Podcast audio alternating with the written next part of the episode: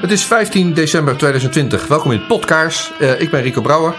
Vanaf vandaag zitten we weer in de nieuwe lockdown. Mijn gast is Tom Kuik. En uh, ja, Podkaars. Oh, Podkaars ontleent zijn naam aan iets dat klinkt als een, nou zeg, aan, aan een uh, pot met een kaars. Hop. Traditioneel kaarsje gaat aan inmiddels. Zo, zo. Welkom. Dankjewel, Rico. Ik ken jou uh, een beetje nu, want ik kom je wel eens tegen bij de buitenparlementaire onderzoekscommissie naar het regeringsbeleid. Dat is correct. Ja, en toen, toen we elkaar ontmoetten, uh, zei je, ja, ik doe dingen bij Welsmets. Nou, dat heb ik ook heel lang gedaan. Maar ik, ik geloof niet dat ik jou in die context ben tegengekomen. Misschien liepen we elkaar mis. Maar uh, ik las van jou een stukje tekst, een, een item wat je geschreven had uh, het Nederland van Rutte en de Jonge. En dat, uh, dat uh, maakte indruk. En je vertelt daarin dat je. Ja, zometeen ga jij het vertellen, dus ik kan heel kort samenvatten. Je vertelt daarin dat je op een hoekje van een station zit en op, op adem komt en je mist zuurstof van die wegen die stomme mondkapjes. En dat je, dat je met Boas in, in gesprek kwam, zeg ik het netjes. En ik las dat. Ik denk, dat moet je op camera zeggen, man. Dit is, dit is een verhaal gewoon. Mensen moeten zien dat dit gebeurt. En toen zei hij, nou, zal ik langskomen dan? Zo ervaar ik het. Ja. Ging het zo? Ja, zo ging het. En uh, ook gevoegd uh, bij het feit dat uh, ik werk inderdaad bij en met Weltsmets. sinds juni. Eerst ben ik door Ramon Bril geïnterviewd over waar ik contact zocht met Weltsmets. Namelijk over een andere infectieziekte die pandemisch is. Ja. En dat is de ziekte van Lyme. Uh, maar ik heb natuurlijk ook verstand van andere infectieziektes gekregen. En ook met, vanwege mijn achtergrond ben ik daarna zelf programma's gaan maken. Uh, er zijn inmiddels uh, twee verschenen, er zijn twee staan klaar. En we hebben een hele reeks in voorbereiding. En dat noemen we dan wel Smash Academy. Dus dan aan een poging vanuit mijn achtergrond om ook, ook verdieping van tevoren in de voorbereiding te stoppen. En een jaar ik kwam je tegen, laatst afgelopen weekend nog, zondag. Ja. Je vertelde over een actie, van het is belangrijk dat we gezamenlijk uh, daar wat aan doen. Ik, wil, ja, ik kon niet opnemen, want ik dacht dat wel Smets, die was geband uh, vorige week. Ja, nee, ik, ik, lag niet, ik lag niet dat Welsmets geblokt was, maar ik, de, de context is. Ja. Ik kom net uit, ik, en ik noem het gewoon de gevangenis. Ik vertaal het naar de echte wereldsituatie. Ja. YouTube heeft mij in de gevangenis gegooid. In het schavot, op water en brood, twee weken lang, omdat ik me volgens hun niet had gedragen. Ja. En we gingen het dan over, over mondkapjes. En uh, interviews die ik had gemaakt. Nou, ik ben nu weer uit de gevangenis, maar nu ben ik op proeftijd. Maar de, de volgorde heel precies, en je moet zo meteen maar de Weltsmets verhaal daarvan vertellen, want die gaan door hetzelfde heen. Ja. Als je uit de uh, gevangenis van YouTube vrijgelaten, want ik ben nu weer op vrije voet, ik mag weer uploaden, dit gesprek mag ik op YouTube zetten. Dan krijg je een proeftijd. Maar bega je binnen die proeftijd nog een keer een overtreding, ja. dan vermoorden ze je kanaal. Dan heb je de doodstraf. Ik vertaal het maar even zo. En ik moest dus wel lachen een beetje. Oh shit, Welsmut zit ook in de gevangenis nu. Ja, maar ja, dat was te verwachten eigenlijk. Welke overtreding hebben jullie begaan? Nou, een collega van mij die ook bij Weltsmens programma's maakt. Er zijn een heleboel mensen die bij Weltsmens uh, programma's maken. En uh, als je zelf wordt geïnterviewd uh, en je hebt een goede achtergrond, dan kan je ook ineens gevraagd worden wat programma's te maken. dat, dat maakt het ook levendig. Karel Beckman is een journalist. Uh, en een, des, een, een, serieuze. Uh, heeft zich met energie bezig gehouden. Maar hij, hij is, is zich de laatste tijd gaan verdiepen in die mondkapjes. Ademvrij.nu. Ja. En daar kom ik dadelijk ook op terug. Maar Karel maakt ook programma's sedert kort. En hij had een, met een echte medische deskundige gepraat over wat er nou gaande was. En de titel heette Bill Gates is a of the problem. Stond, ah. stonden twee versies op. Nou ja, met ook waarschijnlijk wat inhoud. Met uitspraken over vaccinaties en dat soort zaken. Ja, dan, dan uh, is de slimme technologie van Google waarschijnlijk in staat daar bepaalde dingen uit te halen. En dan krijg je een vlekje. Dus... Oké, even, even voordat we verder gaan. Je hebt nu al wat van die kritische woorden genoemd. Dus mijn plan is dat we dit gesprek gewoon voeren en ook dat ik het op YouTube durf te zetten. Ja. Want ze, ja, dit is wel het gevolg van de YouTube-politie. Uh, Ik doe aan zelfcensuur. Maar, maar dat, en dat we dan in het tweede deel van het gesprek. Ik moet goed zeggen. Eerste deel, ik wil weten wat is er met je aan de hand, want er is wel wat aan de hand. Waarom je op dat Centraal, Centraal Station Utrecht een hoekje op adem kwam met je mondkapje. Ja. Toen kreeg je een boa aan je broek. Dat verhaal gaan we zo vertellen. Ja. Daarna praten we verder. En dat stukje zal ik dan niet op YouTube zetten. Maar misschien kunnen we in het eerste blok het niet te veel hebben over meneer Gates. Of de aanleiding dat ik geblokt werd van YouTube is Ja. omdat ik een stukje van, van Anthony Fauci in mijn filmpje had gezet. Ja. Ja, dan triggeren die filters op. Ja, ik, ik moet eerlijkheidshalve toegeven, Rico. eh, ik, ik hou ook niet zo heel erg van dat balanceren op een koord. Maar dat is nu wel nodig. Ja, precies. Dus eh, eh, meneer Gates, meneer Fauci, dat moeten we maar niet te veel doen. We kunnen het wel hebben over mondkapjes. Ja. Maar dan niet in de zin van dat die, eh, dat, wat die doen voor je, voor je gezondheid. Ja, behalve in jouw situatie, Daan. Daar ben je ook wel weer interessant. Want ehm, ja, bij mij, als ik, als ik zo'n ding voordoe, dan voel ik mij ongezond. Het, het, volgens mij psychisch raakt me dat ook wel echt. Bij jou raakt het je gewoon fysiek ook echt. En ik wil weten wat er dan gebeurde op dat station in Utrecht. Nou, daar gaan we het zo over hebben. Maar verder dan dat wil ik daar niet op ingaan. Maar ik had dus een actie bedacht. Als al die journalisten, zoals jij en ik, en eh, Karel, wat je zegt, van Ademvrij.nu, als die nou allemaal op hun eigen kanaal, op hun eigen manier vertellen hoe zij dealen met die mondkapjesplicht. Want dit is mijn ding, en volgens mij is dat niet controversieel. Die mondkapjesplicht is tegen de grondwet. Dus eh, even los van gezondheidsaspecten, het is tegen de grondwet, het is een dresscode. Nou, daar ben ik tegen, ik ben voor de grondwet. Ja. ja, dus daar houdt mijn discussie over mondkapjes op. Maar als iedereen nou zijn eigen argumenten maakt en vertelt hoe die ermee dealt. Dus, Nou, toen jij mij daarmee confronteerde met dat verzoek, vind je dat een leuk idee, Tom? Zei ik ja. Ja. En ik zeg, nou, breng het ook bij de collega's van Welsmes. Iedereen is daarin vrij. En eh, ja, ik zit hier nu vandaag aan tafel omdat eh, tot eh, gisteren ik de indruk had dat bij Welsmes mochten geen programma's meer gemaakt Nee. worden door die banning. Eh, blijkt inmiddels eh opgever gisteren zijn. Gaan we misschien ook nog wel over ja, hebben. doe maar, nou, ik, wil weten hoe, wat je, ik wil dat weten wat je gedaan hebt, zeg maar. Nou ja, weet je, eh, afgelopen vrijdag eh, eh, zaten we aan tafel op de, in, de, in de nieuwe studio. En daar met Karel Beckman ook. En die voelt zich ook wel enigszins verantwoordelijk. Omdat het, dit was. Zijn interview. Ja, en, en hij is pas begonnen met interviews Ja. te doen. Hij had Dus om wel zwart ja, op zwart te krijgen. dus hij denkt, nou ja, hallo. Ehm, maar we waren met eh, ook nog wat anderen. Maar ook Ab Gieteling eh, was erbij. Dus we zaten broodjes te eten. We zouden s'avonds nog wat, eh, wat dingen doen. En, en Ab Gieteling heeft natuurlijk voor Café Welsmans eh al eerder tegen YouTube geprocedeerd. Dat heeft hij verloren. Maar ja, dat geldt bijna bij elk kort geding eh, eh, wat, we, wat we nu hebben. Tegen de staat, of tegen de gemeente was dat, dacht ik, van Ab Gieteling. Maar daar stonden wel interessante uitspraken in. En Pieter Lakenman, ook niet een onbekende in juridisch land, die zag in die uitspraken daar toch heel veel aanknopingspunten die hij positief beoordeelde. Nou, we zaten daar aan tafel. Eh, ja, Karel vond het niet leuk. Hij zegt, ja, ik, ik, ik, kan, ik kan verzet bieden, maar ja, dat een paar woorden kan ik. Hè. Nou, eh, toen, toen heeft Ab hem ook geholpen met wat, eh, wat goede termen. En, en dat heeft hij gewoon ingestuurd, bezwaar gemaakt. Niet geschoten is altijd mis. En ja, dat, gisteren kregen we ineens het bericht, gisteren aan het eind van de middag, meen ik me te herinneren. Van dat Karel zei: hey, mijn video is weer terug. En het lijkt Ja. wel. En we zaten dus eigenlijk in een tweeweeks. eh twee, we- ja, de tweede waarschuwing was dit. Ja, dan ga je twee weken de gevangenis in. Nou ja, dat was in dit geval. De gevangenis betekende dat we nieuwe video's niet kunnen plaatsen. Ja, zo bedoel ik dat. En dan, ja, dat is voor KV Welsmets natuurlijk, die, die dagelijks bijna programma's maakt. Met een enorm stuwmeer natuurlijk. Verschrikkelijk. Ik ehm, zag Flavio een eh, interview maken over mondkapjes. En ik had contact met hem. Ja. En ik heb jou gevraagd: van, wil je iets vertellen over wat, wat Ja. jij doet met die mondkapjes? Vroeg ik aan hem ook. Ja. Hij zegt: Ja, maar dat- je, je, je zal vast wel iets opruiends gedaan hebben dat je geblokt was. Ik bedoel, het zal mij niet gebeuren. Dat- Zoiets, ik, ik parafraseer. Eh, maar het moet je zelf overkomen voordat je denkt: ja, wacht even, het gebeurt dus wel. Maar gisteren hoorde, hoorde ik van. ehm eergisteren hoorde ik van Rob Elens.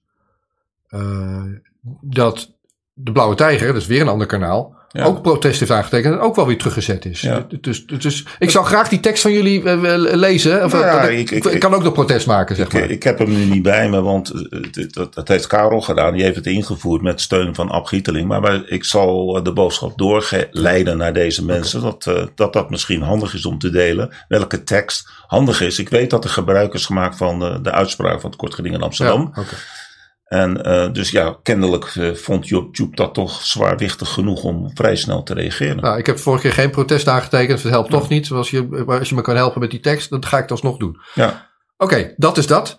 Nou, we hadden dat dus allemaal afgesproken. Jij zou hier langskomen. En toen dacht Mark Rutte, wacht even, alles gaat mis. Er zijn heel veel mensen ziek. Heel veel ca- cases en, en besmettingen en gevallen.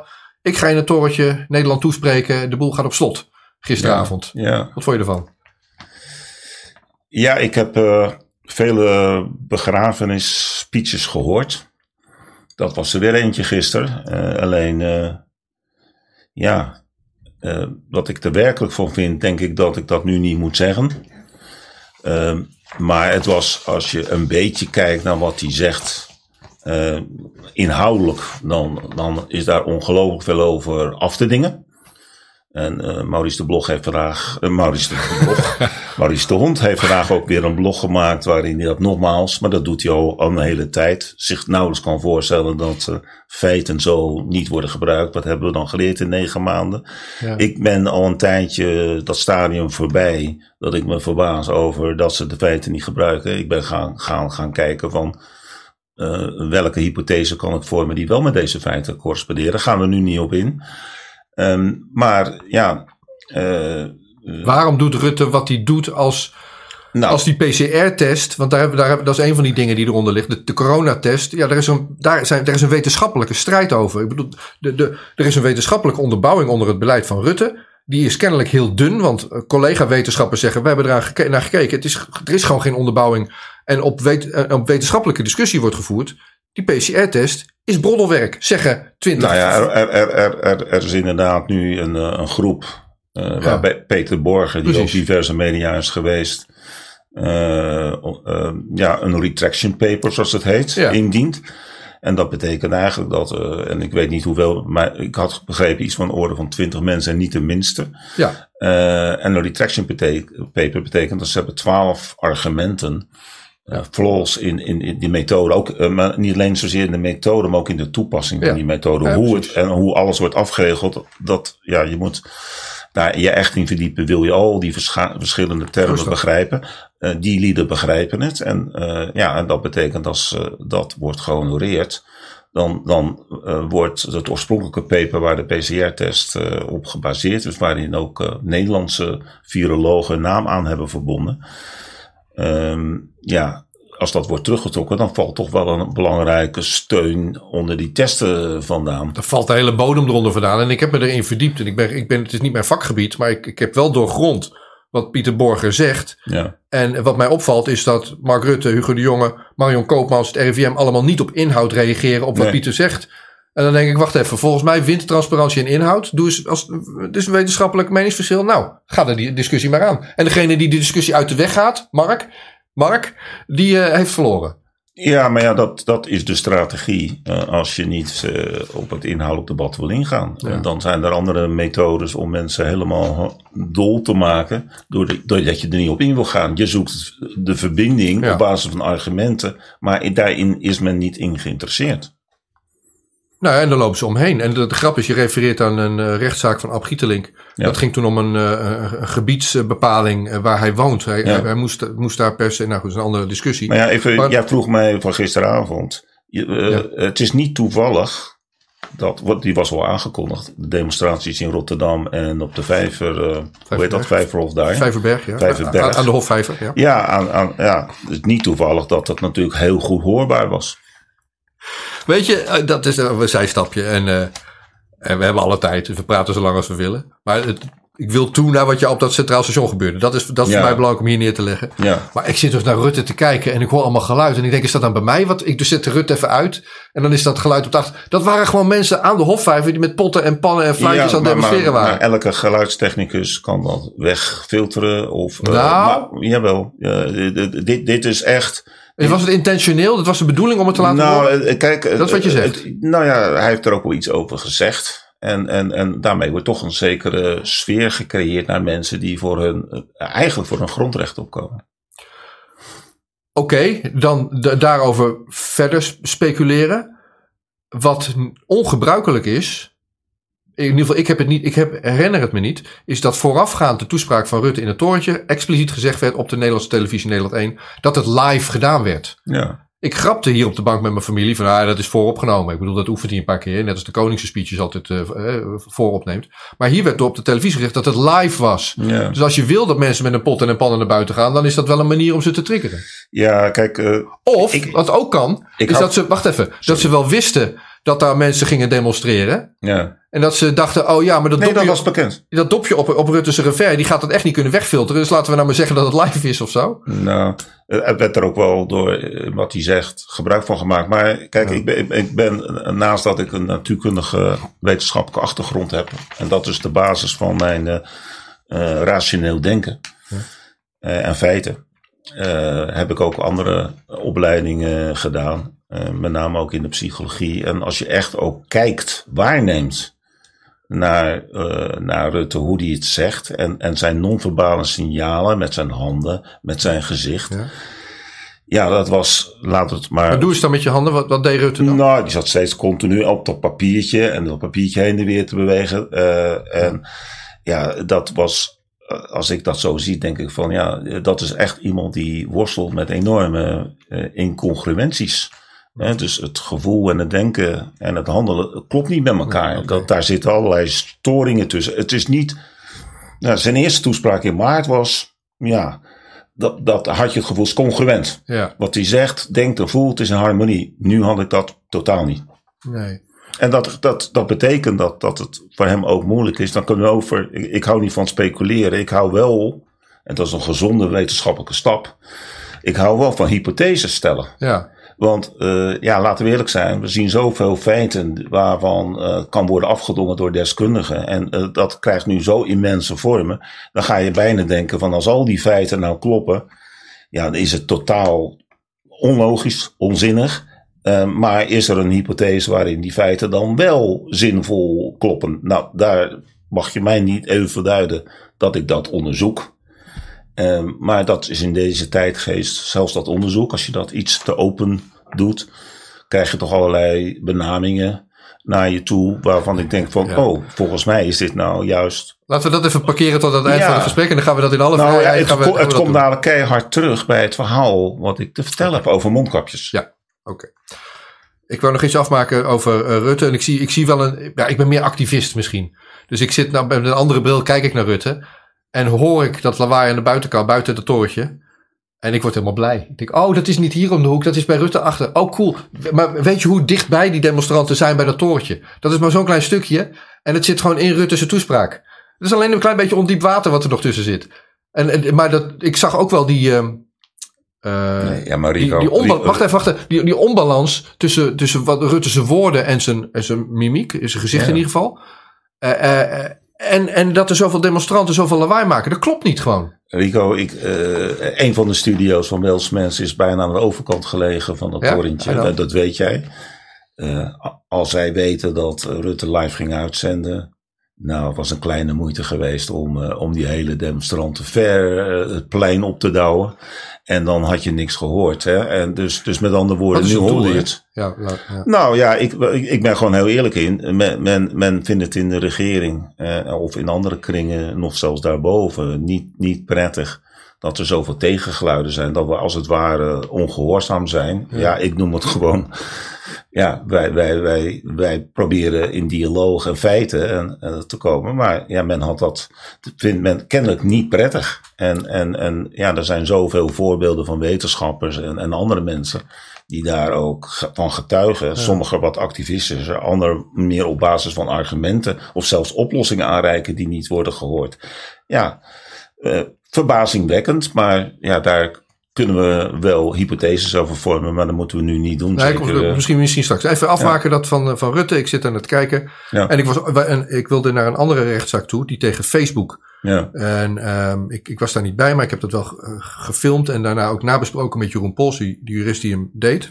ja, En in die rechtszaak was een van de eisen tegen de staat, want het is viruswaarheid met Jeroen Pols en Willem Engel tegen de staat. Een van die eisen was, overheid, je moet wel netjes commu- communiceren. Je moet eerlijk zijn in je, in je communicatie. Ja. En eh, als je weet dat die PCR-test dit kan en dat niet kan, dan mag je dus niet zeggen dat het patiënten zijn of besmettingen of gevallen. Ehm, en, en heel Nederland hoort alleen maar besmettingen en, en, en, en besmettingscijfers en dat soort dingen. En patiënten en gevallen. Dat is niet eerlijk. Maar wat de rechter zei, is nou, meneer Pols, ik heb gekeken naar de uitingen van de Rijksoverheid op hun website. En daar hebben ze toch alleen maar over corona testen en positieve testen. Dus ze communiceren wel degelijk netjes. En misschien Hè, hebben ze in het verleden in een persconferentie wel eens het verkeerde woord gebruikt. Maar dat, volgens mij hebben ze daar wel van geleerd. Wat zag ik Rutte zeggen gisteren? In zijn torentje. Met, met potten en pannen en fluitjes op de achtergrond. Besmettingscijfers, besmettingen. Dus twee weken geleden zegt de rechter, dat mag je, zo mag je het niet noemen. Nee. Tegen de staat. Rutte is de staat, hè? Ja, ik weet het, maar weet je, Rico. eh, eh, je, je kan helemaal teruggaan eh, naar, naar de oorzaak van het probleem. Eh, dat heeft ook te maken met een, eh, een veel te efficiënte, afgeschaalde zorg. Ja. Daardoor zijn we in de problemen. Eh, daar zijn geen oplossingen echt voor geboden. Eh, ja, met de hand een eh, spandienst van allerlei mensen hebben die eerste golf eh, overleefd, zullen we maar zeggen. Daarna is er niks mee gedaan. Eh, de bescherming waar het echt om gaat van de mensen, want dat weten we inmiddels, welke mensen daar vatbaar voor zijn. Je kan niet zeggen dat er echt eh, maatwerk wordt geboden om die mensen te beschermen. Had gekund. Ja. Uh, we zitten nu gewoon in de tweede golf. Men had dat al voorspeld, maar men heeft eigenlijk weinig gedaan. PCR-testen zijn testen die eigenlijk, wat ik noem, een data tweede golf uh, maken. Ja. Daar is heel veel op uh, af te dingen over die cijfers. Ook, ook het testbeleid was 1 december ook weer ver, ver, veranderd. Mensen zonder symptomen mochten zich testen. Kortom, ja. al die cijfers. Kijk, ik, ik, ik, ik, ik ben van origine natuurkundige met een specialiteit in statistiek. Uh, leer mij hoe je met cijfers, uh, ja, laten we zeggen, een beeld kunt creëren. Lies, damn lies en statistics. Nou, how to lie with statistics. dat, ja, uh, weet je, uh, maar ik, ik hou daar niet van. Maar je moet het wel weten dat, dat mensen daar heel gevoelig voor zijn. Ja. En laten we ja. eerlijk zijn, de, de meeste mensen hebben niet zo wiskundig hoofd. En het werkt in de publieke opinie. Uh, mensen doen in ieder geval allemaal een mondkapje op in, in mijn supermarkt hier. Ja, ja. We gaan naar jou toe. Ik ging kijken wie is Ton Kuik. En als je dat intoet op, op, op internet, dan vind je onder andere dit. Ton Kuik heeft na een jarenlange, door een onbegrepen ziekte gedwongen herstelperiode eind 2017 het ondernemerschap weer opgepakt. En 153 tot Solutions opgericht. En bij de KVK geregistreerd. Oké, dus Ton Kuik uh, is uh, ziek geweest, een herstelperiode gehad.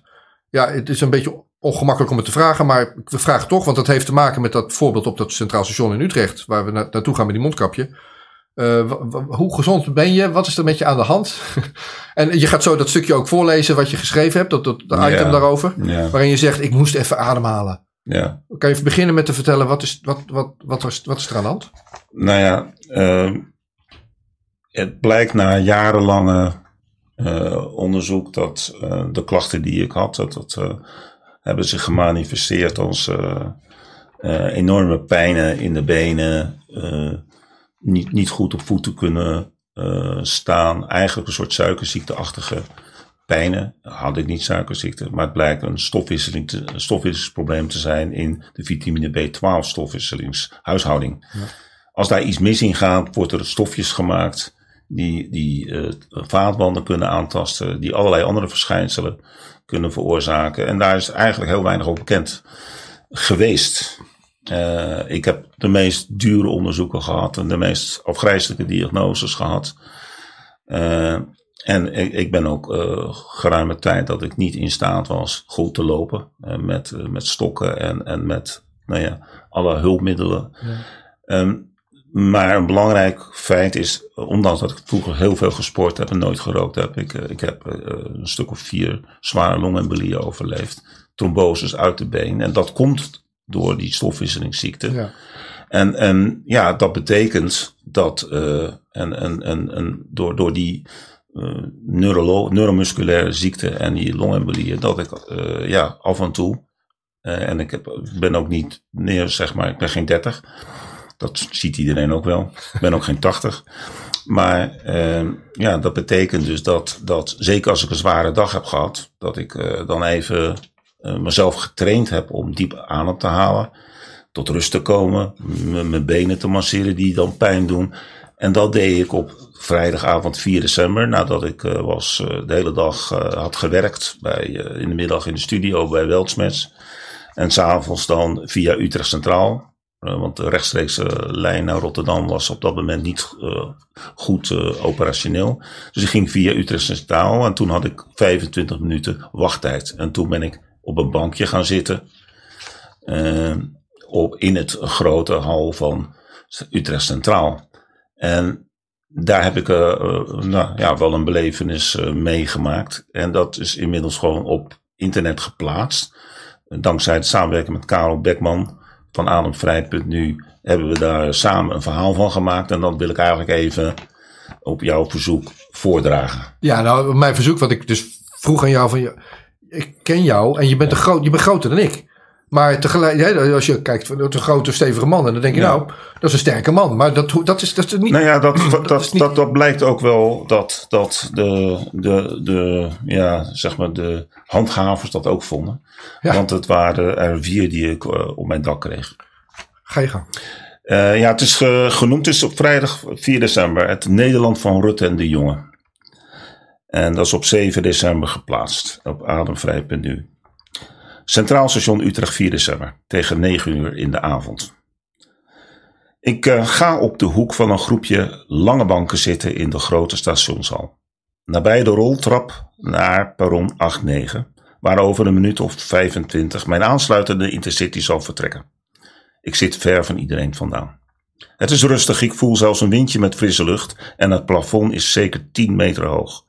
Kortom, geen gevaar voor eventuele aerosolen. Maurice de Hond, die ik al het hele jaar volg met zijn informatieve en realistische blogs, zou goedkeurend zijn over mijn bewuste keuze van mijn zitplaats.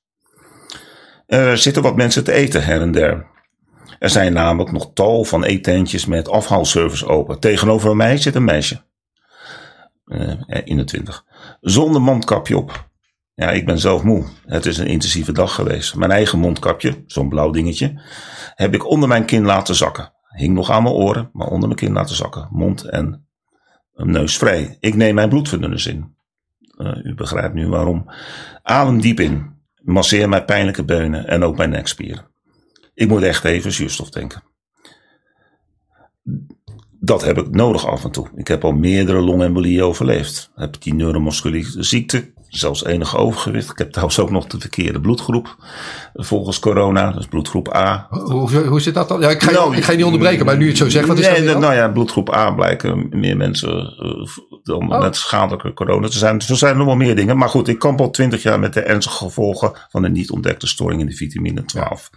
Nou, laat ik niet alles lezen wat hierin staat, want ik, ik, ik heb het ook over dat ik die kennis over vitamine B12 en de kennis over coronavirus uh, door mijn onderzoekstocht voor een uh, na, naaste op het gebied van ziekte van Lyme, met allerlei infecties, ook een pandemie, dat ik toch inmiddels heel veel uh, daarvan weet. Ik, ik, ik bestudeerde de medische literatuur, ben in staat om het te lezen, praat met veel mensen. Dus ik heb echt al vijf jaar me verdiept in dit soort zaken. Maar goed, heb hier, ik heb dus een passage hier over Lime. Laten we even in het midden. Maar voor de mensen van Lime, ik denk aan jullie. Maar Lyme is natuurlijk geen corona. Nee. Nee, dat wordt door de media en overheid al negen maanden als een supergevaarlijke infectie gecommuniceerd. Tekenbeetziekte als Lyme daarentegen krijgen nauwelijks enige aandacht. En eens staat er een boa voor mijn neus. Zo eentje met zo'n geel hesje. Het meisje van in de twintig aan de overkant wordt gesommeerd een kapje op te zetten. Ze volgt geschrokken direct het bevel op van de forse man met priemende ogen, kom ik dadelijk nog op terug, en zware stem. Bijna een beschrijving van mijzelf. nou, die priemende ogen valt van mee, toch? Nou, maar ja, dat komt zo meteen inderdaad. Kan wel degelijk prima. Ik, ik zeggen, in deze context. ja, zeker. Ze staat op en loopt snel weg. De man draait zich naar mij om en zegt mij net iets te autoritair, voor mij dan. Ja. U ook, meneer? Ik leg uit dat ik adem nodig heb dat, eh, dat ik net medicatie heb ingenomen met wat water en nu even tot rust moet komen. Ja, daar heb ik niks mee te maken, zegt de boa. Ik probeer uit te leggen dat het me nu even niet goed uitkomt om mijn mondkapje op te doen. Dat is niet bevorderlijk voor mijn gezondheid. Daar heb ik niks mee te maken. Ik wijs erop dat niemand in de buurt zit. De dichtstbijzijnde mensen zitten op 4, 5 meter. Heeft u ook niks mee te maken? U weigert, zegt hij. Ik zeg, ik wil even zuurstof tanken. Is dat zo erg? Als ik zo naar de trein ga, doe ik mijn mondkapje echt wel weer op. Ja. U weigert dus. Hij loopt boos weg. Ik had zijn autoriteit in twijfel getrokken door op mijn grondrechten te wijzen. Ik heb een hele discussie uh, gehad over, kunt u het bewijzen? Zegt, daar heeft u geen recht op. Nou ja, goed. Hij loopt boos weg. Had ik toen maar de precieze inhoud geweten van artikel 1b-2a1.2. Ja, je moet gestudeerd hebben om dat allemaal te snappen. Van de tijdelijke regeling maatregelen COVID-19 in verband met de invoering van aanvullende verplichtingen om een mondkapje te dragen. Dat noemen ze de regeling aanvullende mondkapjesverplichtingen COVID-19. Die was 1 december in dienst uh, gekomen ja. of geactiveerd. In het eerste lidstaat personen van 13 jaar en ouder dragen een mondkapje in een station, halteplaats of een andere bij het openbaar vervoer, vervoer behorende voorziening en de daarbij behorende perrons, trappen, tunnels, liften, met uitzondering van de daar gelegen besloten plaatsen. Maar in het tweede lidstaat, dat het eerste lid niet geldt, voor personen die geplaceerd zijn en een veilige afstandsnorm in acht nemen. Ik neem aan dat met geplaceerd wordt bedoeld dat je ergens op een stoeltje zit of zo, ja. op een bankje. Of moet je naar je plaats zijn gebracht? Ja, wat is het verschil? Ha, geplaceerd kan betekenen dat de boa zegt: gaat u hier maar even zitten. Dan, dan hoeft het niet, zoiets. Je weet ja, maar ik zat. Ja, je zat. En, en, en naar mijn mening, en bovendien, dan moet je dat ook in de context plaatsen van het Utrecht Centraal. Iedereen kent het wel een beetje met al die eettentjes. Die mensen zitten daar te eten, want ze mogen niet binnen. Ja. En, dus, dus, die, dus, en, en, dat mocht dus wel. Hè? Ja, ja, ja Oké. Maar even later is de BOA terug. Hij komt met drie politieagenten, twee in uniform, één in burger. Allemaal met een masker voor hun mond en neus. Ik word opnieuw gesommeerd mijn mondkapje op te doen. Ik leg uit dat ik om medische redenen op dit moment niet wil. Ik ben even zuurstof aan het tanken. Uh, misschien had ik me toe moeten beroepen op artikel 2a4. Tijdelijke regelingen en maatregelen. Nou, wat staat daar? De verplichtingen in dit hoofdstuk gelden niet voor personen die vanwege een beperking of een ziekte geen mondkapje kunnen dragen. Nou, ik denk, soms kan ik het even wel. En, en soms kan ik het even niet. En ik probeer ook rekening te houden met bange mensen. Ik ben zelf totaal niet bang. Ik vind die mondkapjes eigenlijk totaal niet functioneren. Maar goed, daar kunnen we eindeloos over discussiëren. Hoeveel het bijdraagt of niet bijdraagt. Ze zeggen het zelf. Je houdt rekening met mensen die die mondkapjes Nou ja, dat doe ik alleen met de omstandigheden die ik zinvol acht. Ik, ik, heb, ik heb hele discussies in de afgelopen weken gehad met conducteurs dat ik in een volledige lege coupé zat. En niemand in de buurt, dus 10 meter niks in de buurt. En dan moest ik een mondkapje op. Ik zeg, nou ja, ik heb wel gevraagd uh, hoe ver zijn handhaving dan gaat qua, qua zinvolheid. Maar goed, um, uh, ik, ja, ik, ik, ik, ik, probeer te discussiëren op argumenten. Ja? Ik vraag of deze mensen zich identificeren. Zij zwaaien met onleesbare pasjes. Ze weigeren dichterbij te komen. Alleen de agent en burger komt dichterbij. U bent een bedreiging voor de volksgezondheid, bijt hij mij toe. Oké. Okay. Ik versta me eens niet goed. Ik, had, ik heb een beetje altijd in de winter wat last van een verstopte oor. Dus mijn gehoor op dat moment stond er niet. En, hij, wacht even, nee, nou ben ik een beetje populair. En de man had een mondkapje voor misschien? Ja, nou, nee, hij, ik, dat is mijn volgende zin. Hij oh. pruttelt van achter zijn mondkapje. Ja, vandaar. Precies. Uh, en dan zegt hij, u doet zeker net of u mij niet hoort. Ik zeg, nou, hij gelooft me niet. Hij komt vlak bij me staan. Hoe kan ik de volksgezondheid in gevaar brengen door hier te zitten, zeg ik. Ik uh, zeg, uh, hij zegt, u moet een mondkapje doen. Ik zeg, heeft u daar verstand van dan? Hoe kan ik iemand in gevaar brengen door hier te zitten? U moet uw mondkapje opdoen. Denkt u nou echt dat het helpt tegen de virusverspreiding? Vroeg ik hem nog. Nou, hij zegt, als u weigert, gaan wij een aanwijzing geven. Ik, uh, hij zat dichtbij me, binnen een halve meter. Ik vraag hem of hij even afstand wil houden. Ik voel me, nou ja, geïntimideerd. Ik ben zelf groot, maar het zijn vier grote kerels staan er nu tegenover me. Ik ben niet meer de jongste. Hier staat mijn leeftijd in. Ben ik nooit zo. Uh, uh, nee, hoeft niet. Ik ben al een tijdje in mijn, in mijn pensioen. Dus waarom laten ze me niet met rust? Ik moet mijn rijbewijs laten zien en zelfs mijn vervoersbewijs. Ja, ze dachten dat ik waarschijnlijk ook illegaal binnen was gekomen of zo. terwijl dit aan de gang is, is de BOA maar strak aan het aankijken. De BOA. hij zit me echt strak aan te kijken van ongeveer een meter afstand. Ik zeg, wat wil hij? Nou, een stare down dat is, dus, dat is dat mensen elkaar aankijken bij een Doe gevecht. Doe mij dan. Hoe, hoe kijk... Nou, dan kijk je elkaar gewoon aan en, en, en je kijkt elkaar in de ogen en je gaat niet. En wie het langste voorhoudt. Ja. Dat is een machtsspel. Ja. Dat doen vechters. Nou, ik begin terug te staren. Minstens een minuut kijken we elkaar aan. Dan kijkt hij weg. Intimidatie dus. Hè? Ze vertellen me dat ik drie bekeuringen krijg. Ik zeg, nou, dat is heel wat. Eén, uh, omdat ik weiger een mondkapje te dragen. Eén, omdat ik weiger een aanwijzing op te volgen. En de derde ben ik vergeten. Dat heeft geloof ik te maken met mijn verbale verzet. Ik werd namelijk herhaalde malen hoofdschuddend met meneer wil niet luisteren toegesproken. Nou, ik ben verbijsterd van deze 180 graden verdraaiing. Ik probeer juist deze vier personen ervan te overtuigen dat het crisisteam van het eh, kabinet onder aanvoering van twee bewindslieden met onmiskenbare onderwijserseigenschappen al die maatregelen nemen voor mensen als ik. Die volgens allerlei criteria tot de risicogroep zouden behoren. Zie ik er dan toch zo jeugdig uit? Ik heb mijn kranen verweerd. En ze zelfs voorgehouden dat hun dwingend optreden schade kan brengen als ik hun bevelen zou opvolgen. Kom op zeg, ik ben geen mak lammetje, maar een levenservaren en ook nog hoog opgeleid en goed geïnformeerde, maar wel bezorgde burger. Het is dat ik ze niet draag, maar mijn klom breekt. Het wordt tijd om mijn trein te halen. Ik doe het mondkapje dat op mijn kin hangt af. Zoek in mijn tas naar een ander mondkapje, want ze hadden mij geïnstrueerd. Als u nu naar de trein gaat, moet u wel een mondkapje op. Nou, ik, uh, ik haal mijn mondkapje eraf. Dat, en, uh, uh, en ik wil een ander mondkapje die ik de dag binnen heb gekregen. Wat ik speciaal heb laten maken door een bevriende kennis. En die zal ik daar laten zien. Er zitten gaten in die groot genoeg zijn om makkelijk adem te halen. 100% ademvrij zijn ze. Ehm, handgemaakt. Ze dreigen, omdat zij dachten dat ik uh, hun bevelen voor dat mondkapje weer niet opvolgde, met nog een boete, een vieren. Ja. Uh, nou ja, ik haal toch maar het mondkapje tevoorschijn, doe het ostentatief. Om nou, wacht even, neus. dat, dat even goed begrijpen. Dus je hebt dat ding hier hangen, je doet hem eraf. Ja. Ze zijn meteen pissig van, oh wacht even, hij zit ons te, te, Ja. te Ja. provoceren. Ja. Maar jouw intentie was om dat andere mondkapje, wat, wat prettiger werkt, op te doen. Ja, en waarom deed ik dat? Ik had natuurlijk ook dat blauwe kapje omhoog kunnen trekken. Maar ik denk, ik heb een ander mondkapje. Dat is 100% zuurstof. Die had ik niet middag net gekregen. Ik heb hem in een uitzending bij Weltsmet ook laten zien. Die is nog niet live door al die problemen met Weltsmet. Ja. Maar dan heb ik hem al laten zien. Oh, dan heb ik de primeur. Doe eens, je hebt hem bij je. Nou, doe nou nu dan, of niet? Zal- mag ik hem even aan het eind? Want Ja, oké, moet even, even aflopen. Ik laat hem zo zien. Ja. Eh, jij bent natuurlijk de baas, maar... Nee, ga je gang. Oké. Ehm, ik, ik denk van, ik ga... eh, Dat dacht ik op dat moment. Ik ga dat andere mondkapje opzetten. Want ik werd beschuldigd. Dat ik, ik, ik was natuurlijk een gevaar voor de volksgezondheid. En ik heb gezegd, ja, maar die mondkapjes jongens, wat weten jullie er nou van? Dus ik denk, ik ga een mondkapje hebben die 100% zuurstof doorlatend is. Die had ik natuurlijk ook al eerder kunnen opzetten. Maar ik had hem net binnengekregen.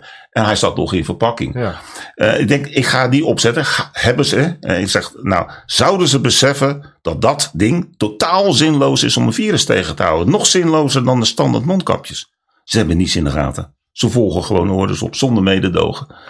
Ik loop naar de trein. Daar ga ik dan. Ik, eh, nou, hier staat, ik voel me oud. Nou, ik voel me Ja. niet zo oud, maar ik voel me een paria. Eigenlijk zoals ook lijnpatiënten een paria voelen. Miskend, je probeert een, een, een, een verstandige dialoog aan te gaan. Ik, ik kies mijn dingen, ik ben een bewuste keuze, ik maak bewuste keuzes. En dan word ik, word ik gedwongen iets te doen. Ik heb ze werkelijk voorgehouden, dat staat niet in dit verhaal. Ik zeg, oh, u ziet mij als een volksgezond, uh, volksgezondheidsgevaar. Uh, maar u, ik, ik vertel u dat ik, dat ik een medische aandoening heb, wat, uh, waar, waar ik zelf met mijn zelfbeschikkingsrecht goed mee omga. U, ik, ik zit nu zuurstof te tanken, ik heb dat nodig. Stel u nou voor, had ik moeten zeggen, dat, dat, dat, dat ik uw bevelen opvolg en ik word onwel.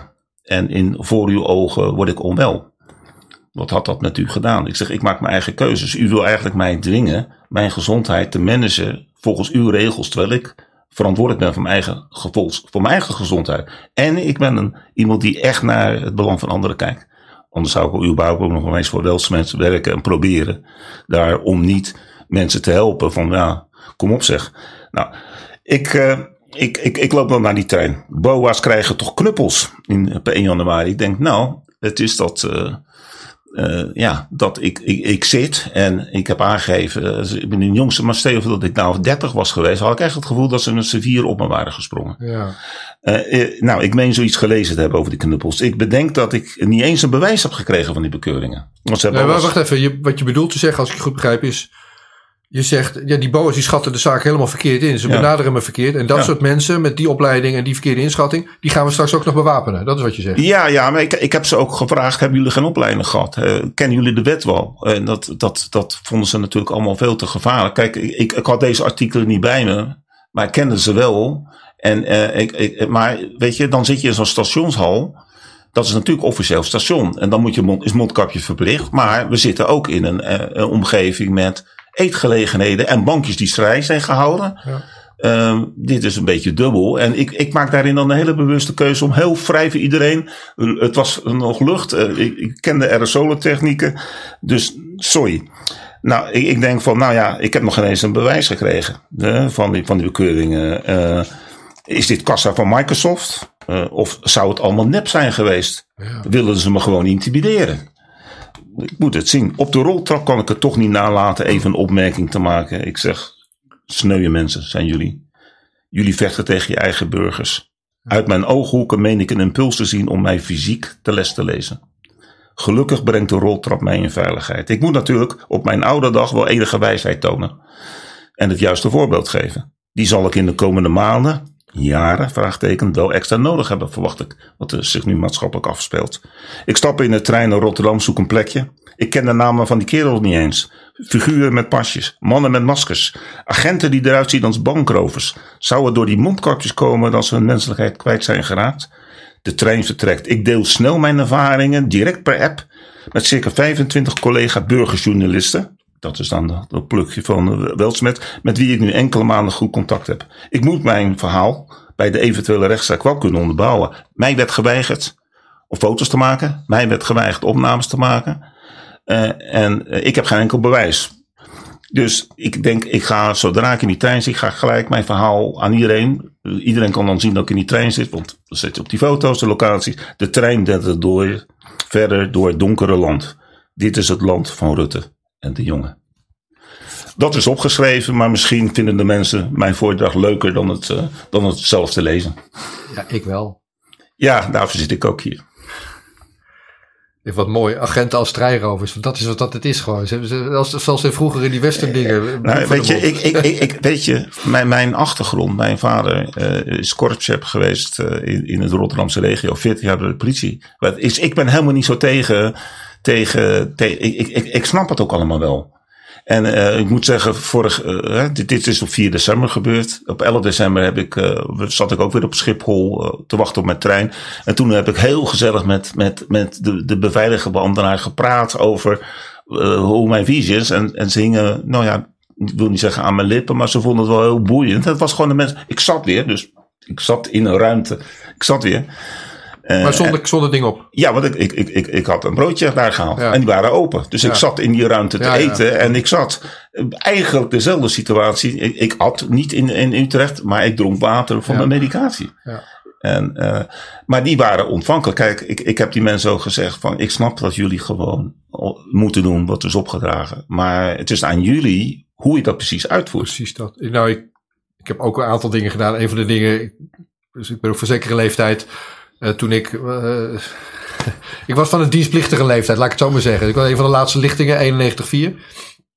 En uh, een van de dingen die ik me herinner van, van ik was een sergeantje, dienstplichtig sergeantje van die sergeantopleiding, is je bent zelf verantwoordelijk. Ja. Je staat wel onder bevel en er is allemaal een, een duidelijke hiërarchie in het leger, maar jij bent verantwoordelijk. Die ethische afweging van wat je doet wanneer je schiet en wanneer je niet schiet, dat is jouw afweging. Nou, weet je, dat, dat sluit mooi aan. Mag ik even reclame maken? Hè? Ik, heb, ik heb pas met een uh, documentaire maken een mooi interview bij Weltsmet gehad. Dat heet over de menselijke mate in gezondheidszorg. Pim Giel. Helemaal aan het einde is de boodschap van de uitsmijter. U bent zelf verantwoordelijk voor uw gezondheid. Ja.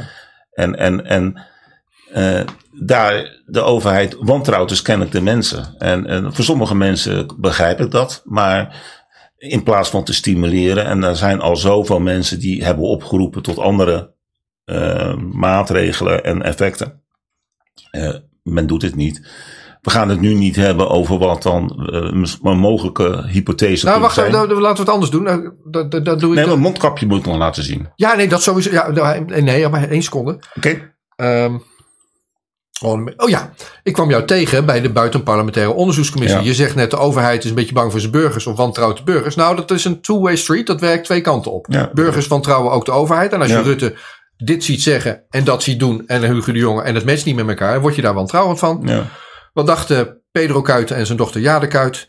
Uh, die, die, riepen de Tweede Kamer op om dat te onderzoeken. Nou, die doen dat dan allemaal niet. Nou, dan doen we het zelf wel. En ze begonnen de buitenparlementaire onderzoekscommissie. Die hebben inmiddels al 25 interviews gedaan. Ja. Verhoren afgenomen. En in hun nieuwsbrief riepen ze op aan agenten, BOA's en journalisten. Van jongens, als jullie in gewetensnood zijn en je wil aan Nederland vertellen wat je is overkomen naar eer en geweten, dan ben je welkom. En daar hebben ze mensen aangemeld. Dus er zijn politieagenten. Er Ik zijn, weet het, komende weken komen ze. Ja. Dus dat is wel heel hoopvol. En, en, Ja. eh, en, en je hebt die mensen die op Utrecht jou op die manier te- tegemoet traden. En misschien sliepen ze wel slechts die nacht. En misschien zijn dat. Nou ja, kijk, er zijn mensen in de omgeving die hebben gezegd: zo, ze hebben precies de goede getroffen aan jou. Hè? Want eh, Ja. je, je bent wel iemand die zich verweert met argumenten, zoals ik altijd ben. Ik probeer zin en onzin van elkaar te scheiden. En ik probeer met hen echt een discussie aan te gaan. Alleen ik ben door hun houding totaal eh, in een hoek eh, gedouwd. Ja, en, en, en dat op 4 december. Vijf, vijf mensen waren daar nog inkopen voor 5 december aan het doen. Ik zit op een ongevaarlijke plaats. Ik, dus ik, ik, ik verweer mij goed. Dus ja, dit is een ervaring. Ik, ik hoop dat, dat alle BOA's en, en politiemensen die hier ook naar kijken, linksom of rechtsom, gewoon beseffen dat zij ook een eigen verantwoordelijkheid hebben hoe zij met hun taken omgaan. Nou, daarom refereerde ik aan het leger waar dat je wordt uitgelegd. En ik weet Ja. zeker, dat, dat moet aan politieagenten ook worden uitgelegd. Dus Ja. het is hun keuze. Nou, laat zien dan. Wat heb je geknutseld? Nou ja, ik, ik heb hem even in jouw kerstboom gehangen. Ja. Niet, niet dat ik hem hier achterlaat. Ik weet dat je hem graag wil hebben. Maar we hebben de eerste handgemaakte van een, eh, een, een vriend die die stof heeft. Laat ik even, even eerst even opdoen. oh ja, zo. Ik kan hem hier gewoon zo opdoen. Kijk, dat ziet er gewoon Uit, ja. het Ziet, er helemaal dicht uit. Hij kan, maar ik kan heel goed ademen. En dat komt omdat dit een materiaal is. Eh, zit je om je bril. dat is een ja, die zit op mijn bril. Dat moet ik ook altijd. Materiaal is wat, wat, ja, ik kan het even laten zien. Misschien wat- achter, of, nou, eigenlijk moet je voortkomen. Oh, nou, dat doe maar. Maar niet in de fik, dat zou jammer zijn. Nee, kijk, dat dus. Nee, nee, niet, niet erboven, ervoor, zo. Oh, daarvoor. Zeg, Over- zo, ja, dat- zo, ja. Zo, zo, nou. Kijk, kijk. Nou, dus ze zien het sowieso met dat gordijn en... de- en nou ja, je, je kijkt er gewoon doorheen. Ja. En, maar het is de huidkleur. En dit is een materiaal wat ook nog, eh, ja, je wilt niet geloven, elektromagnetische straling eh, blokkeert. Ah. En want er zit, er zit eh, zilverdraad in. Maar het is ook antiviraal, antimicrobieel, omdat eh, dat, dat, dat zilver is. En, en ja, het is ook nog een, aardige vormgeving. En, en dit is voor mensen die eh, ja, toch zuurstof nodig hebben, maar niet en denken van ja, ik, ik heb er geen zin om elke keer in conflict te raken. Kunnen dragen in, in, in veilige omstandigheden.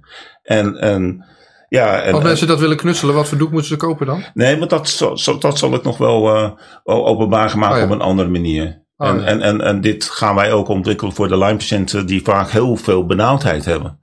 Eh, maar ook andere mensen eh, hebben daar belangstelling voor. Maar dit, dit is gewoon ja, je aanpassen op een verstandige manier. Er zijn mensen die me heel principieel spreken. Ja, als jij nou tegen mondkapjes bent, dan draai je niets. Nou, maar ik, ik zie een heleboel mensen die bang zijn. En eh, ik, ik hou ook rekening met die mensen. En, maar dan los ik het zodanig op dat ik niemand ontrief. Ze hebben het niet door. Zelfs de politieagenten die mij die drie bekeuringen hebben gegeven. En die BOA heb ik opgedaan. En ze spraken me er niet op aan. Dus ja, dan is het toch gewoon goed. Als het optisch goed is. Nou, dus, ik heb eh, foto's gezien van Duitse politieagenten die ook een soort netje voor de neus hadden. Ja. Dus die, die- ja, die mensen moeten soms uh, uh, fysiek Ja, maar laten we eerlijk zijn. Over die mondkapjes is heel veel te zeggen. Laten we dat hier niet herhalen. Er zijn een aantal grote deskundigen die daar van alles over zeggen. Eh, de regering heeft er zelf van alles wat over gezegd. Eh, daar zijn hele kolderieke eh, compilaties van in de tijd. Eh, laat iedereen maar voor zichzelf bepalen wat hij vindt. Ik, ik, ik heb te doen met die mensen die, die zo angstig over een mondkapje heen kijken. En mij inderdaad als een virusbom zien. Eh, ja, dat vind, ik, dat vind ik sneu. Nou, en dat kan je Rutte aanrekenen. En dat doe, Ja, ik, doe ik natuurlijk. in ieder geval wel. Want zij, zij, zij zijn uiteindelijk verantwoordelijk voor, voor, de, voor de sfeer in Nederland. Ja. Dit gesprek eindigt hier niet. We praten verder. En ik blijf het ook opnemen. Het eindigt hier wel op YouTube. Dus ik doe, dit heb ik nog nooit zo gedaan. Maar de tune zit er al in. En voor de mensen die kijken via YouTube zeg ik... eh, ik hoop dat je er wat van geleerd hebt. En dan komt nu eh, het aftitelingsmuziekje. En voor de mensen die verder kijken... eh praat er gewoon weer verder. Het muziekje weer uit. Want waarom doet Rutte dat nou? Ja, ik ben al vrij vroeg, omdat ik natuurlijk toch wel enige verstand heb ontwikkeld ten aanzien van infectieziektes en, en de wereld van Lyme. Met ook al zijn dwalingen. En, en, en, en, en, en ben, ik, ben ik gaan kijken. En Maurice was wel een inspiratiebron, omdat hij ook echt gewoon realistisch allerlei zaken eh, in kaart bracht over die verspe- over het verspreidingsmechanisme. Kijk, bij de ziekte van Lyme, dat zijn de teken als de, die zijn ook zo klein dat je ze ook bijna niet ziet hoor. Um, uh, ja, dit, dit, maar we hebben dus uh, sinds een jaar of zoiets een hond. Dus ik ben nu wel vrij bekend met teken. Uh, nou ja, mensen met huisdieren ja, halen in principe de teken ongewenst binnen. Dus ja, dus ja extra alertheid is ja? wel. Paarden trouwens ook. Uh, ja, en een teken is wel even iets meer, want daar kunnen honderden pathogenen in zitten. En van allerlei variaties. En, en de, de, bekendste voor Lyme is natuurlijk de Borrelia-stammen. Het zijn er ja. meerdere, honderd of zo. Verschillende subspecies. Um, zusje spirogeet, kurkentrekker bacterie die een zusje is van syphilis. Iedereen weet hoe erg na de oorlog syphilis is. Tot op de dag maar dat weet helemaal niemand. Maar even, even, denk je dat nou dat mensen dat weten? Als je veel, veel seks hebt met, met uh, nou in ieder geval als je het een keer gehad hebt, dan weet je wat het is. Maar als je dat niet zelf aan de hand hebt. Nee, ja, dat geldt vreselijk voor vele dingen. En, ja. en, we zijn natuurlijk allemaal zo druk bezig om ons staande te houden in deze maatschappij. Waar alles sneller, beter, mooier moet. En, en je hebt nauwelijks tijd om te ademhalen. Nou ja, dat heb ik dus ook letterlijk meegemaakt. Wat je net zei is een, een teken, een heel klein beetje. Daar kan je verschillende ja. ziektes van krijgen. De bekendste is Lyme. Ja. Wordt veroorzaakt door, de, door een bacterie, meen ik. Ja, een, een, een, maar zo'n zo beest kan nog veel meer ziektes verspreiden. Uh, ja, je kan er uh, virale infecties door krijgen. En, uh, er zitten een heleboel pathogenen in. Het zijn wat we noemen ook multi-infecties, meervoudige infecties. Als je daar een beetje pech hebt. Uh, en bij het voorbespreken, ja. wil ik wil naar iets anders toe nu. Ik bedoel, ja, we, zijn, we, kunnen nu vrij praten. Maar ik heb mijn best gedaan, mensen, voor de lijm. oh ja, oh nee, ik wil je niet onderbreken. Nee, nee, weet je, weet je, ik wil er één ding over zeggen. Ja, en, uh, kijk naar de uitzendingen van Weltsmets. Ik, ik, heb een heel, ik ga steeds meer over, over Lyme uh, vertellen. Ook laat mensen vertellen. het is een pandemie. Het is echt miskenning. allerlei processen van misleiding en, en verdienmodellen. En, en maar wacht even, stop. Je noemt het de pandemie. Ja. Nou, er, er, is een dingetje te doen over de definitie van de pandemie. Maar in ieder geval moet je dat over de hele wereld hebben. En moeten heel veel mensen het hebben. Ja, maar dat is, dat is ook zo. Alleen in Amerika uh, zegt de CDC dat er 400.000 mensen per jaar uh, Lymeziekte krijgen. In, in, in, in, in Nederland zijn de officiële cijfers van het RIVM dat, dat uh, anderhalf miljoen mensen ongeveer worden gebeten, waarvan 27.000 mensen bij de huisarts een diagnose Lyme krijgen. Op herkenbare kenmerken. Er zijn een heleboel mensen die geen herkenbare kenmerken hebben, dus door de maas heen glippen. Maar 27.000 mensen per jaar krijgen de diagnose ja. Lyme. En, en, en daarvan, uh, ja, de cijfers van het RIVM vinden wij te laag. Zij praten over maximaal 2500, wij praten misschien wel tot 20, misschien nog wel meer procent van die mensen kunnen langdurige klachten ontwikkelen. En dan is Lyme een hele nare ziekte? Ja, en dan kom je in, dan kom je in een horror. Ik heb het wel genoemd uh, ticket, ticket to hell, vanwege de relatie met tik. Hè, take, ticket to hell, dan kom je echt in een, in een, in een circuit terecht van miskenning. Uh, afgrijzelijk. Daar heb ik met Pim Giel recentelijk over gesproken. Hij was documentaire maken over allerlei soorten mooie ontwikkelingen binnen de gezondheidszorg, maar ook slechte. En, en ja, die film is dadelijk ook integraal te zien. Een van zijn films. Uh, ik, ik, ik, ik, zet, ik maak me erg druk om die mensen, omdat je ziet, corona, je wilt niet zo gek bedenken, alles is mogelijk. De miljarden vliegen je de oren om. Ja. Uh, uh, voor, voor, voor Lyme moet je, moet je vechten voor elke euro, voor elke erkenning. En ik probeer dus TKB-ziektes mee te laten liften met het verzet ook tegen, tegen hoe je corona eigenlijk moet behandelen. Okay, dus dat, dat, heb ik nu, dat punt nu gemaakt. Tot, ja, precies. Nee, ja. Dat, ja, het, is, het is voor, in ieder geval voor jou heel belangrijk. En er zijn kennelijk. Ik heb nou, voor, de, voor de mensen is het heel ik belangrijk. Ik heb één keer Lyme gehad. In die zin, ik, er was een teken. En na, na een tijdje krijg je dan een rode kring eromheen. En dan weet je, als je tenminste googelt op internet ja. zoekt. Dan zegt oké, okay, dan moet je naar de arts. Want dat, dat, is niet goed. Dan krijg je een antibioticumkuur. Bij mij was daarna klaar. Niks meer. Ja, kijk, mij, mij, mij, moet je niet geloven. Ik ken vele mensen. Binnenkort komt uh, een, een, video. Die is op, al, al beschikbaar. Die gaat hopelijk uh, live. Ik hoop zelfs vandaag van een bekende Nederlander. En iemand waarvan je niet zou denken dat hij, uh, dat hij nou uh, kleinzerig is of uh, enzovoort. Maar dat is Michael Blekemolen. De, de man, um, de, de autocoureur over de hele wereld. Raceteams, ja. grote kartbedrijven. Eerste Formule F1 rijder. En hij heeft bij mij aan tafel gezeten. En zijn verhaal verteld over wat hij, hoe hij zeven jaar heeft geworsteld en hoe hij, wat hij heeft meegemaakt en hoe hij er uiteindelijk nu vanaf is gekomen. Hij is al een paar jaar uh, hersteld, maar hij heeft zeven jaar op een ongelofelijke wijze geworsteld met die ziekte. Ja. En zijn, zijn getuigenis staatssymbool voor vele anderen die het vaak nog erger hebben. In die films van Pim Giel komt het ook aan bod. En dat doet niets tekort aan die ellende van corona. Maar deze mensen, voor deze infectieziekten die maar niet, gewoon, niet gehoord worden in Nederland en in de wereld, staan op en zeggen van mogen wij alsjeblieft ook een beetje die aandacht krijgen. Ja, hier is het ding. Dan gaan we weg bij, bij Lyme. Dus, uh, Ja. eh, ik- Rut, wat je ziet, ga ik terug naar het torentje van gisteravond. Je ziet Rutte een pers, dat is geen persconferentie, een, een toespraak houden Ja, op basis van oneerlijke informatie. Hij heeft het over, wat zei hij nou? Hij heeft het over besmettingscijfers en besmettingen. En mensen zijn niet besmettelijk, ze zijn niet besmet. Ze hebben een Nee. positieve test en die test die klopt niet. Hij zit te liegen, in mijn woorden dan. En, en, maar, maar waarom doet hij dat? En dan, dan, dan wil je met Lyme en alle kennis die je hebt van Lyme en wat een ellendige ziekte dat is als, als dat chronisch wordt. Wil je eh, Rutte wel bij zijn, kraag pakken en zeggen: luister, hier is een echte ziekte, doe daar ook eens wat aan dan. Maar corona gaat niet om een ziekte, gewoon. Maar, maar de vraag is: waar gaat het dan wel om? Waarom doet hij dit? ja, We zitten in een lockdown. Ja. En je refereert aan Maurice de Hond. Nou, ik heb eh, zelf eh, Edzard Ravelli gesproken. ja. Die kennen elkaar dan ook weer.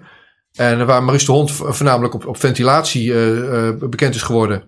eh, zegt Edzard van, wacht, ik heb ook, onderzocht. En, ja, met die en luchtvochtigheid. die zegt, ja, ik, ik, ik, het is niet alleen correlatie. Ik heb gewoon aangetoond dat Ja. luchtvochtigheid, zoals het KNMI dat meet, kausaal verband, kausaal oorzakelijk verband heeft met hoeveel griepgevallen er zijn Ja, in, die, in die regio. Correct. Dat heeft Edson Ravelli ges, ge, in, dan word ik een beetje geagiteerd. Ik zal proberen de woorden goed te kiezen. Die schrijft dat aan Mark Rutte. Die schrijft dat aan Hugo de Jonge. En die schrijft dat ook. Hier is onze volgende gast. Ik ben, ik ben nu een soort wel. hey, hond. Ja, maar dit wordt, dit wordt op dit soort geloof ik uitgezonden, dus dat mag allemaal. Dat mag allemaal. Ik ben een soort uh, welsmens geworden die. eh, die. eh, kom op nou. Die gewoon meerdere interviews achter elkaar doet. hey, Sachi. Kappen. Kom eens hier. Ja, hier zit er nog één. Wat een slechte dag is dit. Ja. Nou, eh, Oké, maar ik wou zeggen. de kijkers zien nu de hond binnenlopen. Ja, oh, dat, kan ik, dat is wel leuk. Die komen nu binnen en eh, die zit me goed aan te kijken, heel terecht. Ja, Ja, komt nu naar het, ja. een beetje bange broekje, onze hond. Nou ja, onze hond deed social distancing voordat het populair werd. Dus eh, in die zin. Maar in ieder geval, ehm Edzard Ravelli schreef Mark Rutte aan, schreef Hugo de Jonge aan, schreef het RIVM aan, schreef de GGD aan, schreef de voorzitters van de veiligheidsregio's aan. En die reageerden allemaal niet. Toen ging hij een rappel doen. Hij schreef ook de koning aan. Dit vertelde Edzard Ravelli in zijn getuigenverklaring bij de Buitenparlementaire Onderzoekscommissie. Hij zegt, de koning schreef me terug. ja. En, maar dat niet alleen, hij schreef ook aan Hugo de Jonge. In mijn woorden, ik zeg het een beetje populair. hey Hugo, dit is een belangrijk stuk, hier moet je wat mee doen. Want Ravelli zegt dit, dit, dit en dit, daar moet je even op reageren. Nou, volgens mij is dat, gebeurt dat niet zo vaak dat de koning rechtstreeks een minister aans- aanspreekt. En, en ook zo'n, dat citeert dan.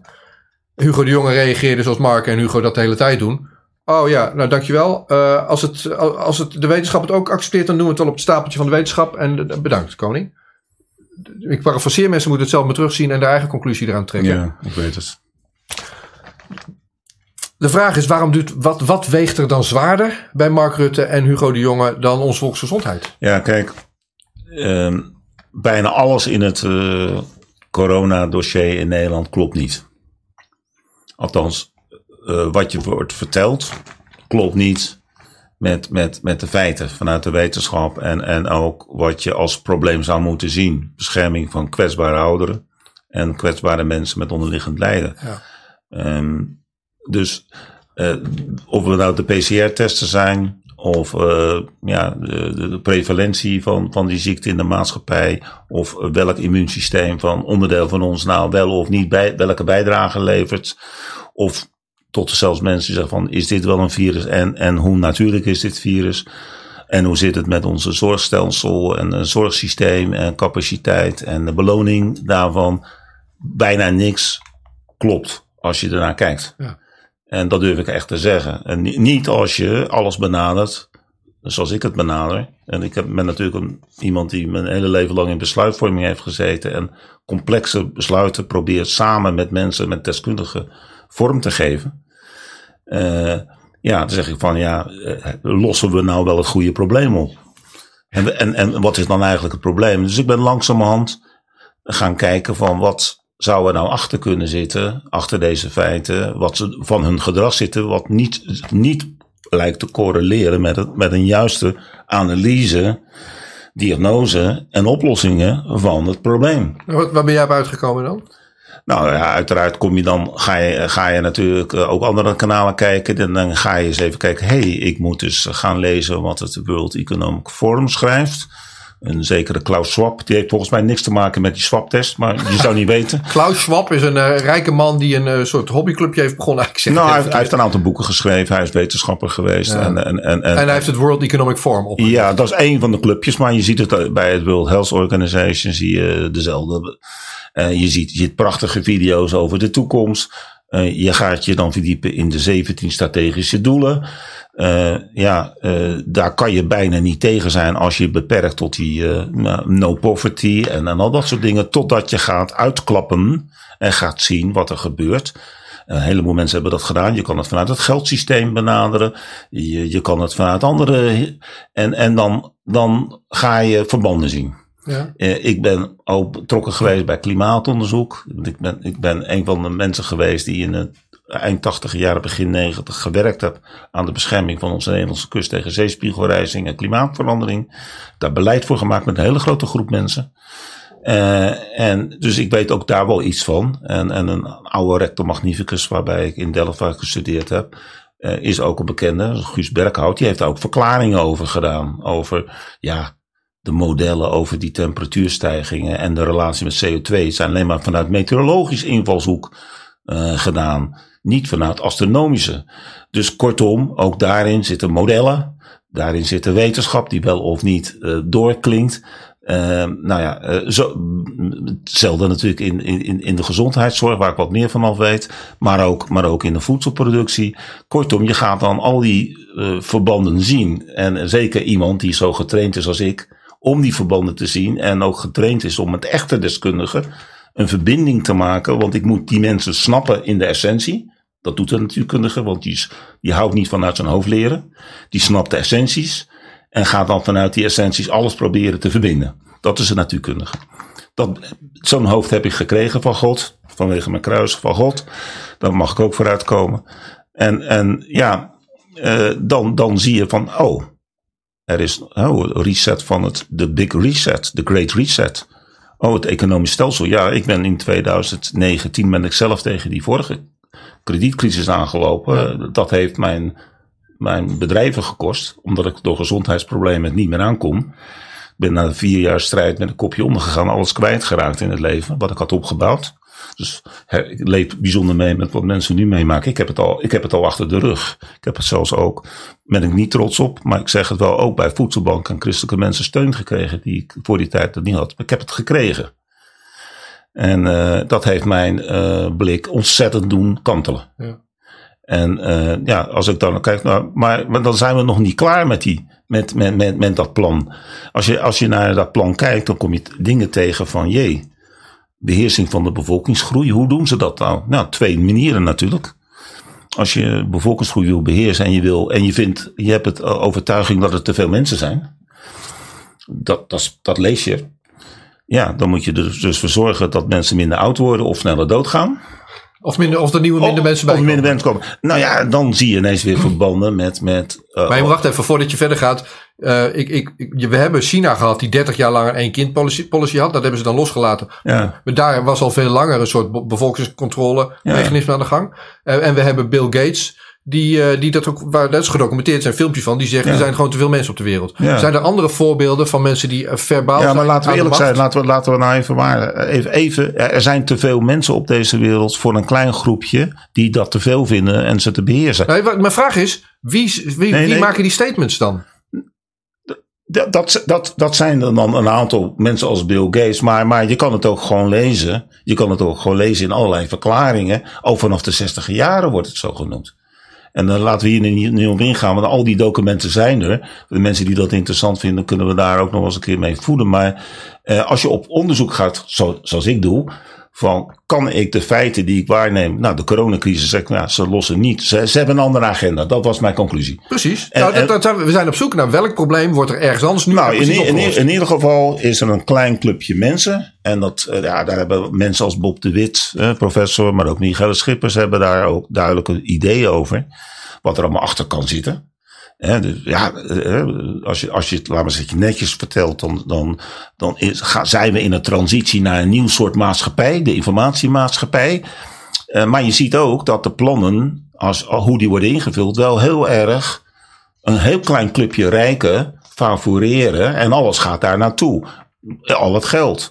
Ik bedoel, maar dan moet je ook verdiepen in het financiële systeem. Dat is ongeveer het minst interessant. Heb ik haar hele leven heb ik nooit geïnteresseerd in geld.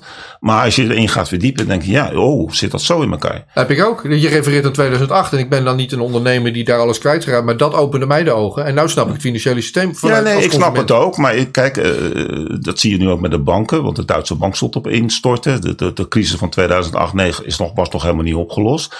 Uh, er waren veel onrustig, gele hesjes. Uh, alle boeren die uh, op Malieveld komen. Ja, het komt wel verrekte handig uit voor het establishment dat we deze corona nu even hebben. Nou, dus er is. Waarom dan? Waarom komt dat handig uit? Nou, een aantal politieke leiders worden nu gewoon herkozen. al, al, al, of niet dan met, met, met, met, met slimme technologie ondersteund. Maar als je, we gaan naar een afronding. Mijn volgende gast zit volgens Ja, natuurlijk. Maar we, je ziet dat uh, de rationale, dus de onderbouwing van het beleid van Rutte, niet klopt met, met, met, met, met, met wat je meet gewoon. Hoe, ja. mensen, wat voor oversterfte hebben we nou? Hoe werkt het met die PCR? Dus al die dingen die we genoemd hebben. Het klopt niet. Jij zegt, ik vlieg het van verschillende kanten aan. Ja. En ik zie verbanden. Welk, welk probleem is Rutte dan namens of met andere mensen aan het oplossen? En wanneer is dat er dan? Of wat, wat is hun plan? Nou ja, maar mijn, mijn uh, hypothese is, is dat uh, zeker door wat we dan noemen public uh, private samenwerking. Met het hele grote bedrijfsleven. En het grote bedrijfsleven heeft Bob, Bob de Wit, professor Bob de Wit ook gezegd. Die zijn zo groot, die zijn corporate states geworden. Ja, die zijn machtiger dan staten ja, wordt er een agenda bedacht door hele slimme mensen, want anders zouden ze nooit zo rijk zijn geworden. We hebben het ook trouwens toegelaten. Maar uh, zij, ja, die hebben een agenda voor de wereld waar zij denken dat dit is een goede agenda. Uh, dat komt wel heel erg in hun kraampje uit. Niet voor de gewone man. En, en dat wordt uh, ingevuld. Dat is al decade in voorbereiding met NGO's en met selectie van politici. Politici zijn verleid, onder druk gezet of, of vinden dat ook echt een goed plan, zijn te naïef, die denken van, oh, ik kan mijn milieuagenda daar kwijt. Ik denk allerlei soorten mensen zitten daarin, van, van onwetend, goedwillend, maar hebben het nog niet door, tot mensen die onder, gechanteerd worden. Van alles zit daarin. En dat is majeur over de hele wereld. Op allerlei strategische plaatsen zie je dat. Als ik het dan samenvat, dan is het, dan is er geen, uh dan is er geen, geen normaal meer. We gaan niet terug naar normaal. Het nieuwe normaal is dat nee, de nee, controle nee. ligt op. Nou ja, als, als we naar meneer Oosterhuis, die net uh, heeft toegegeven dat hij 5,6 miljoen euro rijk is geworden. Uh, ja, dan gaan we naar dan, dan de nieuwe situatie noemen we dan abnormaal. Voor hem normaal, maar voor ons uh, in de letterlijke betekenis van niet normaal. Maar wij zijn met velen. En, en, en wij moeten betrokken worden. Ik, ik ben geen tegenstander van allerlei goede wereld, globalistische benaderingen. Ik ben een tegenstander van een eenzijdige die alleen maar selectief een aantal mensen favoreert. En waar anderen niet in worden betrokken en niet de waarheid wordt verteld. Daar ben ik tegen. En uh, ik ben, natuurlijk ben ik dan, uh, uh, vind ik dat de mens met zijn, met zijn aarde wel beter kan omgaan dan we tot nu toe hebben gedaan. Ben ik, ben ik, in die zin ben ik progressief. Ik, ik wil eindigen. Ik, ik, ik, ik wil niet meer praten over links-rechts. Progressief of conservatief. Ik wil praten over boven-onder. Heb ik twee schalen voor. De wereldschaal, de wereldse mens. Boven, dat is dat, dat kleine, favoriete, machtige mensen. En de onder, het volk. Je ziet dat die discussie meer gaat over de machtige en dat is van alle tijden. En, en, en het volk. En daar zitten bepaalde zaken in dat je denkt, gaan we terug naar de slavernij op een bepaalde wijze. Met die digitalisering. Maar ik wil het ook van boven onder benaderen vanuit een spirituele. Ik zie het ook als een spirituele strijd. Ik ben christen. En, en er zijn vele voorgangers die daar ook heel duidelijk uh, vanuit, de, vanuit die spirituele filosofie, en dat mag, hoeft nog geen eens christen te zijn, je kan ook andere godsdiensten, wat dat betreft, ik ben heel tolerant. Ik, ik bedoel, het gaat om, er, er, er is iets, wij zijn een spiritueel wezen en we moeten goede dingen doen. En, en naar mijn mening, met een aantal keuzes waar de, de, de overheid al of niet onder druk uh, mee bezig is, maken ze niet de juiste keuzes. En daar wil ik het bij laten. Dankjewel. Dan gaan we hier stoppen. Wil jij, wat doen we? Laten we het kaarsje aan of gaan we, wil je hem uitdoen? Uh, nee, ik, het licht moet branden vandaag. Laten we hem aan. Leuk dat je er was, man. Ja, je Klaus Schwab van de World Economic Forum, die zegt uh, in, in zijn promotiefilmpje... You'll own nothing and you'll be happy. Maar ik denk niet dat hij het had over Bill Gates en over zichzelf en over de andere rijken der aarde. Dus you'll own nothing gaat over jou. En hoe meer pijn we nu hebben, hoe blijer we straks zijn dat, uh, dat we weer een beetje terugkrijgen van wat vroeger normaal was of zo. Yes, we came, we saw, he died.